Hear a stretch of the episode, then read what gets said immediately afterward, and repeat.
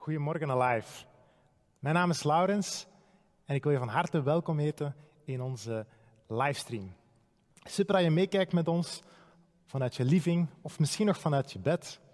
Je bent echt op de plaats waar je moet zijn vandaag. Weet je, ehm, de kerk, dat gaat niet zozeer om de locatie waar we zijn, het gaat om met wie we samen zijn. En ook als dat betekent dat we misschien via een scherm elkaar maar kunnen zien en samen een dienst kunnen beleven, maakt dat dat we toch nog altijd hetzelfde doel voor ogen hebben. Samen zijn wij kerk en samen willen we meer van Jezus zien in onze levens en in de levens van de mensen rondom ons. Je bent exact waar je moet zijn. Welkom thuis. Vandaag beginnen we met een nieuwe serie genaamd de karaktertest. We gaan de komende drie weken kijken hoe het gesteld is met ons karakter. Stel het je even voor dat net zoals bij een coronatest een staafje in onze neus of onze keel zou kunnen steken, vervolgens te weten of we positief of negatief scoren. Stel je voor dat dat zou kunnen met ons karakter. Zou je die test dan doen? Zou je het aandurven om zo'n karaktertest af te nemen?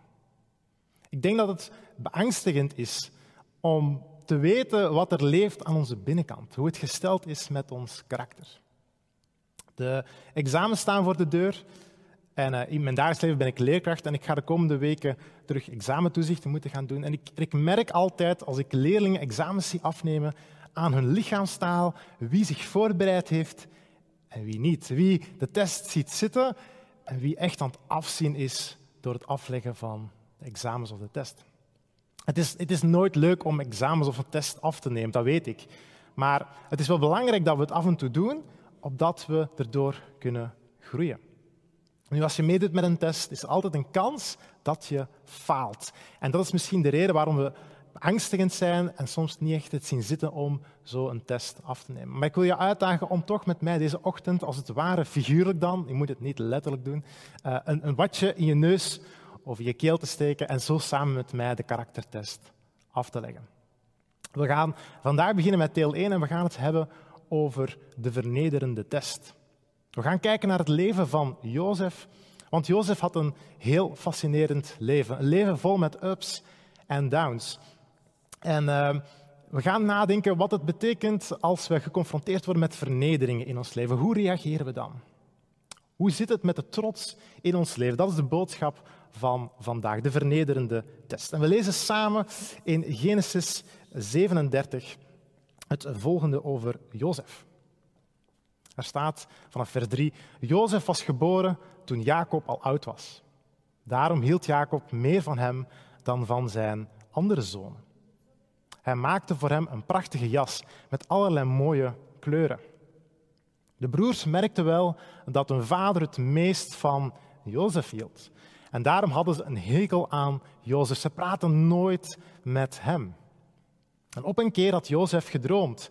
Hij vertelde de droom aan zijn broers. En toen kregen ze een nog grotere hekel aan hem. Ik kan het je wel voorstellen dat Jozef niet direct de meest sympathieke broer moet zijn geweest van de grote familie van de kinderen van Jacob. Jozef groeit op in een gezin met veel broers en hij is de lievelingszoon.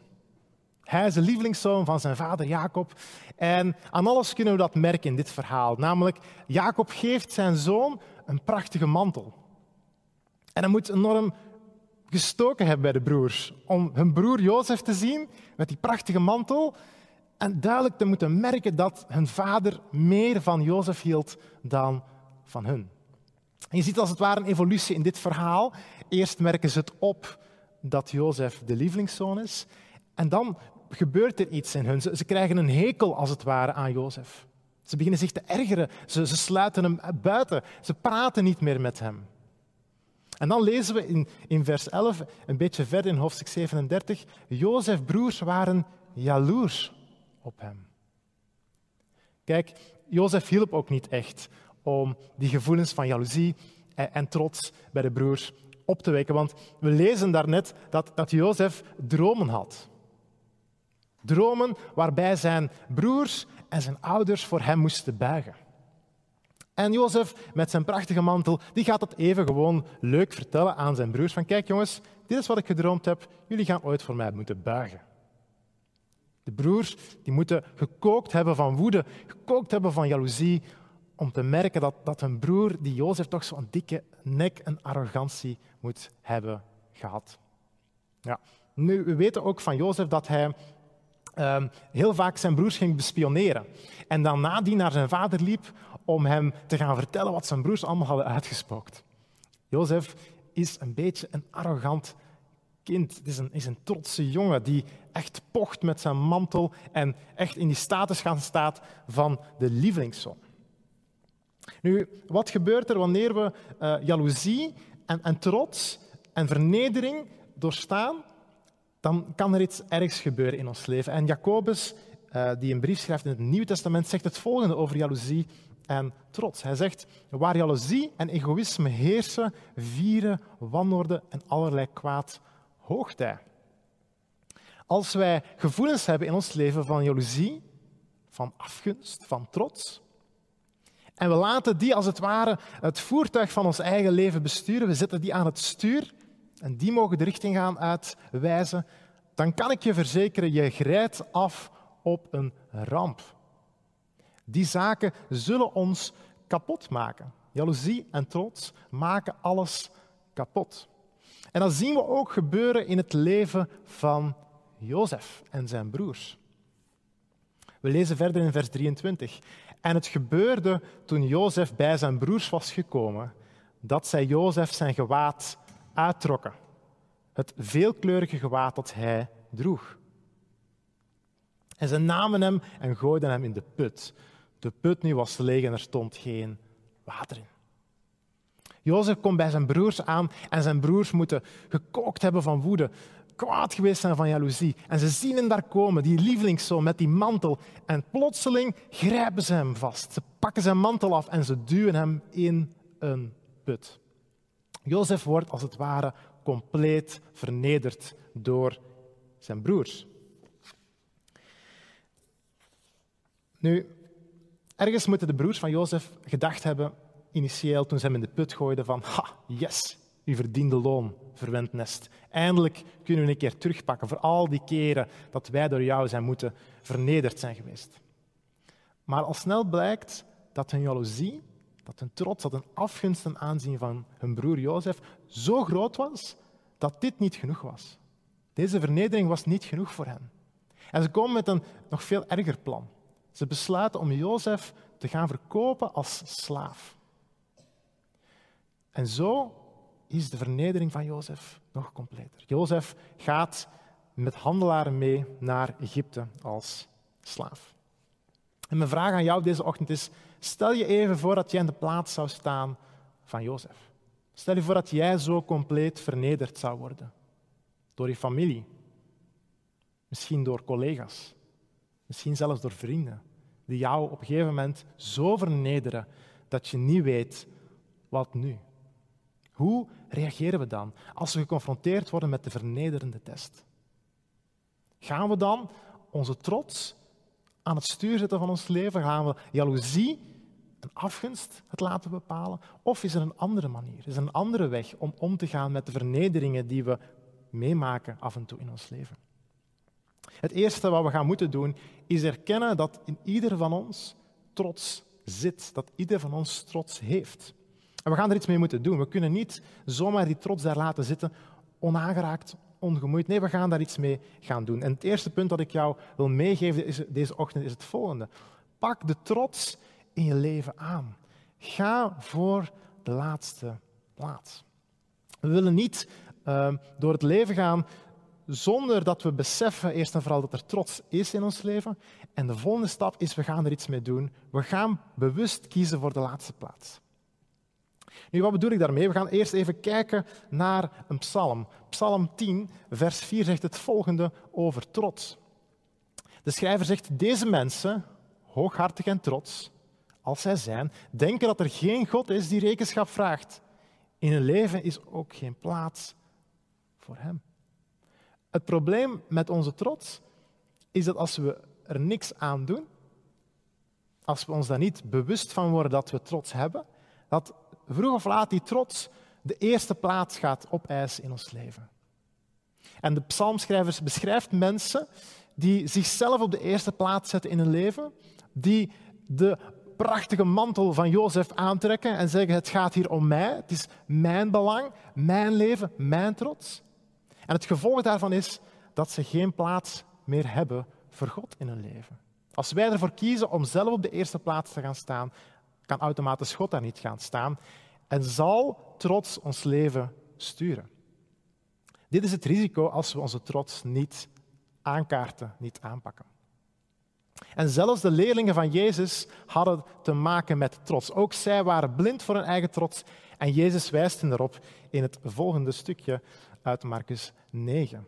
En toen zij in Cafarnaum waren gekomen, vroeg hij, Jezus dus, aan zijn leerlingen, waar hebben jullie het onderweg over gehad? Ze hadden lopen discussiëren. Ze durfden het niet te zeggen, want ze hadden lopen discussiëren wie van hen de belangrijkste was. Hij ging zitten en riep hen bij zich. Luister, zei hij, wie de eerste wil zijn, moet de allerlaatste zijn en iedereen dienen. Ja, die leerlingen van Jezus hadden onderling een beetje te bekvechten, discussiëren. Wie is nu de lieveling van Jezus? Wie is nu de belangrijkste volgeling onder ons van Jezus? En Jezus merkt het op. En Jezus roept hen bij hem en zegt van, jongens, wat is er aan de hand? Hebben jullie misschien een probleem met jullie trots? En nu komt er iets heel straf. Jezus draait de volgorde om. Bij Jezus is de belangrijkste degene die op de laatste plaats gaat staan. De dienaar. Niet diegene die zichzelf daarvoor hebt of die de mantel, de prachtige mantel, aantrekt. Nee, het gaat om diegene die de laatste plaats inneemt in zijn eigen leven. Diegene die de dienaar wil zijn van de anderen. En dat brengt ons bij het tweede punt. Als wij voor de laatste plaats willen gaan, als wij de dienaar willen zijn voor anderen, dan moeten we ons daar ook voor voorbereiden. Bereid je voor om te dienen. Trek de nederigheid aan. Ik denk dat het belangrijk is om te beseffen dat we niet zomaar even gaan dienen. Als een soort van, ik ga eens even bewijzen dat ik een goede dienaar ben. Het is een beetje zoals bij koken, denk ik. Als je, als je gaat koken aan een maaltijd en je wilt het echt goed doen, dan is het ook soms belangrijk dat je de juiste uitrusting aantrekt. Een, een kookschort of zo. Dat noem ik dan voorbereid zijn voor wat er gaat komen. En zo is het ook met dienen. Als we gaan dienen, dan gaan we niet zomaar iets doen. We gaan eerst nadenken en misschien zelfs bidden naar God toe van hey God, waar mag ik gaan dienen? Waar kan ik de laatste zijn, de dienaar zijn van anderen? En uh, een van de grappige zaken is dat uh, Petrus, een leerling van Jezus, die daarnet erbij was bij dat groepje leerlingen die had lopen discussiëren over wie de belangrijkste is, vele jaren later een brief schrijft aan de eerste christenen. En in die brief heeft hij het ook over trots. En hij vertelt ons iets heel interessants. Ondertussen heeft hij bijgeleerd wat het betekent om op die laatste plaats te gaan staan. Hij zegt het volgende in hoofdstuk 5, vers 5. Evenzo, jongeren, wees aan de ouderen onderdanig en wees aan allen elkaar onderdanig. Wees met nederigheid bekleed, want God keert zich tegen de hoogmoedigen. Peters heeft door dat het niet gaat om ons eigen belang. Kijk, in, in, in Gods koninkrijk, in het koninkrijk dat Jezus komen verkondigen, daar gaat het om de laatste te willen zijn, om de dienaar te zijn van de anderen. En dan zien we heel praktisch dat jongere mensen uh, oudere mensen moeten gaan dienen. Maar ook omgekeerd, ook ouderen moeten naar jongere mensen dienstbaar zich opstellen. En dan is natuurlijk de vraag, hoe doe ik dat? Hoe ben ik dienstbaar naar anderen toe? En hij geeft ons een belangrijke sleutel, Peter. Hij zegt, wees met nederigheid bekleed. Het is alsof dat Peters tegen ons zegt van, hey, ga die keukenschort aantrekken voor je begint met koken. Doe de outfit aan van een dienaar voor je gaat dienen. In de tijd van Petrus um, droegen droegen slaven, droegen dienaren een soort van speciaal kleed. Er wordt beschreven dat er een soort van ja, witte riem of witte mantel werd aangedaan, zodat het voor iedereen heel duidelijk was dat jij bent de dienaar, jij bent de slaaf die ons komt bedienen. Ik kan naar jou komen voor een bepaalde dienst. En met diezelfde uh, connotatie zegt Petrus tegen ons: hey, ga ook een dienaarsoutfit aan. Ga een slavengewaad aantrekken. Want enkel zo stap je echt uit in nederigheid. Dit is misschien confronterend voor ons om over na te denken, dat je als het, als het ware een, slavengewaad, een dienaarsgewaad gaat aantrekken. Maar dit is de enigste manier zodat we echt ons kunnen voorbereiden om te gaan dienen, is door nederigheid aan te trekken. Want als we dienen, dan leidt dat automatisch tot een nederige houding. En nederigheid, dat toont zich altijd in dienstbaarheid. Die twee kunnen niet zonder elkaar. Je kan het een niet zonder het ander gaan doen. Nu, ik denk dat er sommige mensen onder ons zouden zijn um, die misschien denken dat nederigheid vooral draait over het, het, ja, het minder gaan praten over wie je bent. Je minderwaardig gaan voordoen, als het ware. Uh, door ja, zogezegd een lagere positie in te nemen, door slecht te praten over wie, wie, je denkt dat je bent. In de hoop misschien dat andere mensen jou dan complimenten gaan geven en jou toch gaan bevestigen van hé, hey, maar je bent toch belangrijk, jij telt er toch, jij telt toch mee. Ik moet helaas zeggen dat verborgen trots nog altijd trots is. Als dit jouw motivatie is waarom dat jij in nederigheid gaat staan om uiteindelijk complimenten te krijgen, dan, dan zit dat nog altijd een beetje scheef. Dat is niet wat nederigheid is. Nederigheid verlangt niet per se direct iets, iets terug. En ik heb een, een mooie quote meegebracht van een uh, voorganger uit Amerika, Rick Warren noemt hij. En hij zegt het, uh, het volgende. Hij zegt, humility is not thinking less of yourself, it's thinking of yourself less. Een beetje vrij vertaald staat er, nederigheid is niet minderwaardig denken over jezelf. Nee, het is minder vaak aan jezelf denken. Er zijn twee verschillende dingen. Het draait er niet om dat we naar onszelf minderwaardig gaan kijken, ons minderwaardig gaan voordoen naar de mensen rondom ons heen, dat we zogezegd nederig moeten zijn. Het gaat erom dat ons eigen belang een lagere plaats krijgt dan de noden, dan de belangen van de mensen rondom ons. Wanneer we gekleed zijn met een nederigheid, dan hebben we één doel voor ogen. Dat is die andere mensen om ons heen te helpen. Hun belang is belangrijker geworden dan mijn belang. En op die manier komt, wat Jezus daar straks vertelde, degene die de laatste plaats kiest, is de belangrijkste, degene die de dienaar is geworden van de anderen. Nu, misschien ben je niet zo iemand die zich snel gaat vernederen voor mensen om nederig over te komen. Misschien ben je iemand die wel trots heeft en die dus het niet echt ziet zitten om andere mensen te gaan dienen. Misschien ben je eerder het type dat excuses zoekt. Als mensen komen met problemen, zeg je, goh ja, weet je, ik, ik, ik ben niet echt de persoon die jou verder kan helpen. Ik heb niet echt de expertise, de kennis om jou daar echt in verder te helpen. Of uh, misschien eerder het excuus van, ik, ik, zou je echt willen helpen, maar ik heb er echt geen tijd voor. Sorry, spijt me, het gaat echt niet lukken. Ik heb echt gewoon geen tijd om jou verder te helpen. Dan wil ik je uitdagen om, om na te gaan, hoe zit het met mijn trots? Wat wil ik eigenlijk bereiken? Hoe kan ik dienaar zijn voor anderen? Dien ik om iets terug te krijgen of dien ik vooral zodat andere mensen er beter van worden, zonder dat ik daar per se iets terug voor verlang? Nu, laten we even terug gaan kijken naar Jozef. Jozef die um, vernederd werd door zijn broers. Ondertussen is slaaf geworden. En Jozef komt aan in Egypte. En we lezen in uh, Genesis 39 hoe het uh, met hem gesteld is. Er staat dan, Jozef was naar Egypte gebracht. Daar hadden de handelaars hem verkocht aan een Egyptenaar die Potifar heette. Potifar had de leiding over de lijfwacht van farao. En de Heer hielp Jozef, zodat het goed met hem ging. Hij mocht in het huis van Potifar werken. Potifar begreep dat de Heer Jozef hielp, want alles wat Jozef deed ging goed. En daarom had hij vertrouwen in Jozef. Jozef werd zijn persoonlijke dienaar. Potifar gaf hem ook de leiding over alles wat er in zijn huis gebeurde. Jozef zorgde voor al zijn bezittingen. Ik vind het enorm straf als ik kijk naar Jozef, hoe dat hij compleet vernederd werd door zijn broers. De lievelingszoon met een prachtige mantel, die hij werd afgenomen, om uiteindelijk in Egypte te komen als slaaf. Ik begrijp als Jozef bij Potifar thuis was aangekomen, dat hij zoiets had gehad van, ik heb er geen zin in.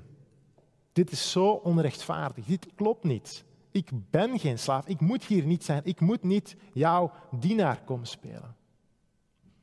Ik, ik zou zo kunnen snappen dat, dat, dat Jozef door trots zou gevuld worden om niet die dienaar te, te moeten zijn waar hij eigenlijk ja, niet op had zitten wachten.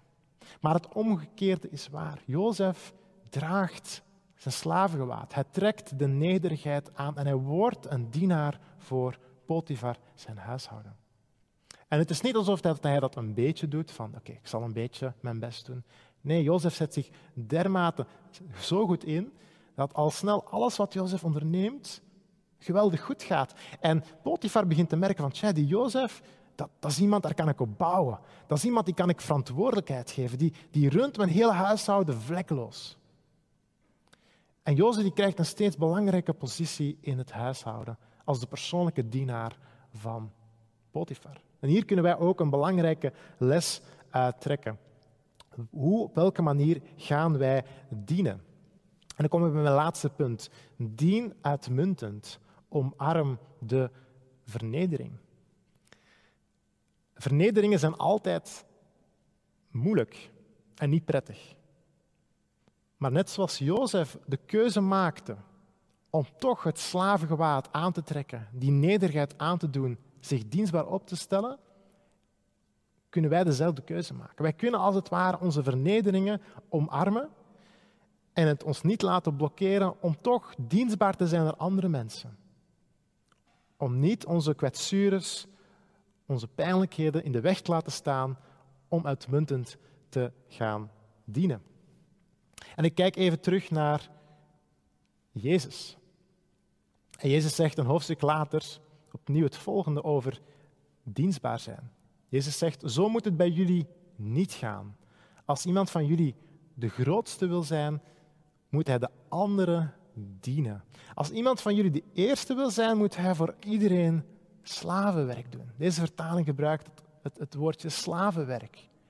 Het is niet gewoon, ik ga jou even dienen. Nee, ik draag de slaven-outfit. Want ook de mensenzoon is niet gekomen om zich te laten dienen, maar om zelf te dienen en zijn leven te geven als losprijs voor velen. Kijk, Jozef die, die, die was zijn, zijn, zijn prachtige mantel kwijt. Die was hem afgenomen. En toch maakte hij de keuze, ondanks de vernedering, om het slavengewaad aan te doen. Hetzelfde zien we ook terugkomen bij Jezus. Jezus is niet gekomen om de koning te komen spelen over ons. Nee, Jezus is gekomen om ons te dienen. Hij heeft gekozen om ook zijn prachtige mantel af te leggen en een slavenmantel aan te doen. En hoe, deed hij dat dan? Hij ging vrijwillig naar het kruis en hij stierf voor jou en mij, opdat we met trots, hoogmoed, voor eens en voor altijd een komaf zouden kunnen maken. Jezus koos ervoor om de laatste te zijn, zodat Hij ons allemaal kon dienen. En dat daagt ons uit. Dat roept een vraag op naar ieder van ons. Hoe zit het dan met mij? Hoe moet ik daarop gaan reageren als ik weet dat iemand bereid was om zo ver te gaan voor mij? En dan is het heel simpel. Ga ook staan in nederigheid. Ga ook die mantel of dat kleed van dienstbaarheid aantrekken en wees een dienaar voor alle anderen. Ga niet leven in een leven waar het allemaal draait om jezelf, om jezelf op die eerste plaats te krijgen. Nee, laat dat los. Ga voor de laatste plaats. Doe iets aan jouw trots. Ga je voorbereiden. Draag het slavenkleed, draag de nederigheid overal waar je komt. Ook al heb je misschien collega's die jou hebben vernederd, wees dan nog altijd bereid om voor hun te werken, om voor hen te dienen. Misschien heb je in je familie, net zo'n beetje zoals de broers van Jozef, altijd een soort van tweede rangsrol gekregen. Misschien heb je het altijd het gevoel gehad dat jouw ouders de andere kinderen liever hadden dan jezelf. En voel je op die manier ook vernederd, tekort gedaan. Heb je misschien ook wel jaloeziegevoelens gehad. Hey, laat je dat niet tegenhouden om toch te blijven dienen, ook in jouw familie, ook naar die mensen toe die jij misschien een beetje met afgunst bekijkt. Het is wanneer we, dat we nederigheid aandoen en wanneer we onszelf een beetje wegcijferen, dat er ruimte komt voor God om te gaan werken in ons leven. Kijk, God wil niet dat we, dat we blijven vastzitten met onze trots. God wil iets beter voor ons. Hij wil ons zijn liefde geven. Een liefde die ons compleet kan veranderen. Waardoor we nog makkelijker in die dienaarsrol kunnen gaan staan. Hoe zit het met jou? Ken jij Jezus al? Ken jij zijn liefde al? Ben jij vrijgemaakt van je eigen trots? Misschien is dit voor jou heel nieuw en denk je van, goh, ik, ik, besef dat ik misschien wel een probleem heb met trots en dat ik niet echt zal slagen op de karaktertest, omdat met trots misschien daartussen zou kunnen komen. Dan moet, je, dan moet je niet gefaald voelen of zo. Ieder van ons moet afrekenen met zijn eigen trots. Maar ik wil je deze ochtend uitnodigen om een stap te zetten, om een keuze te maken.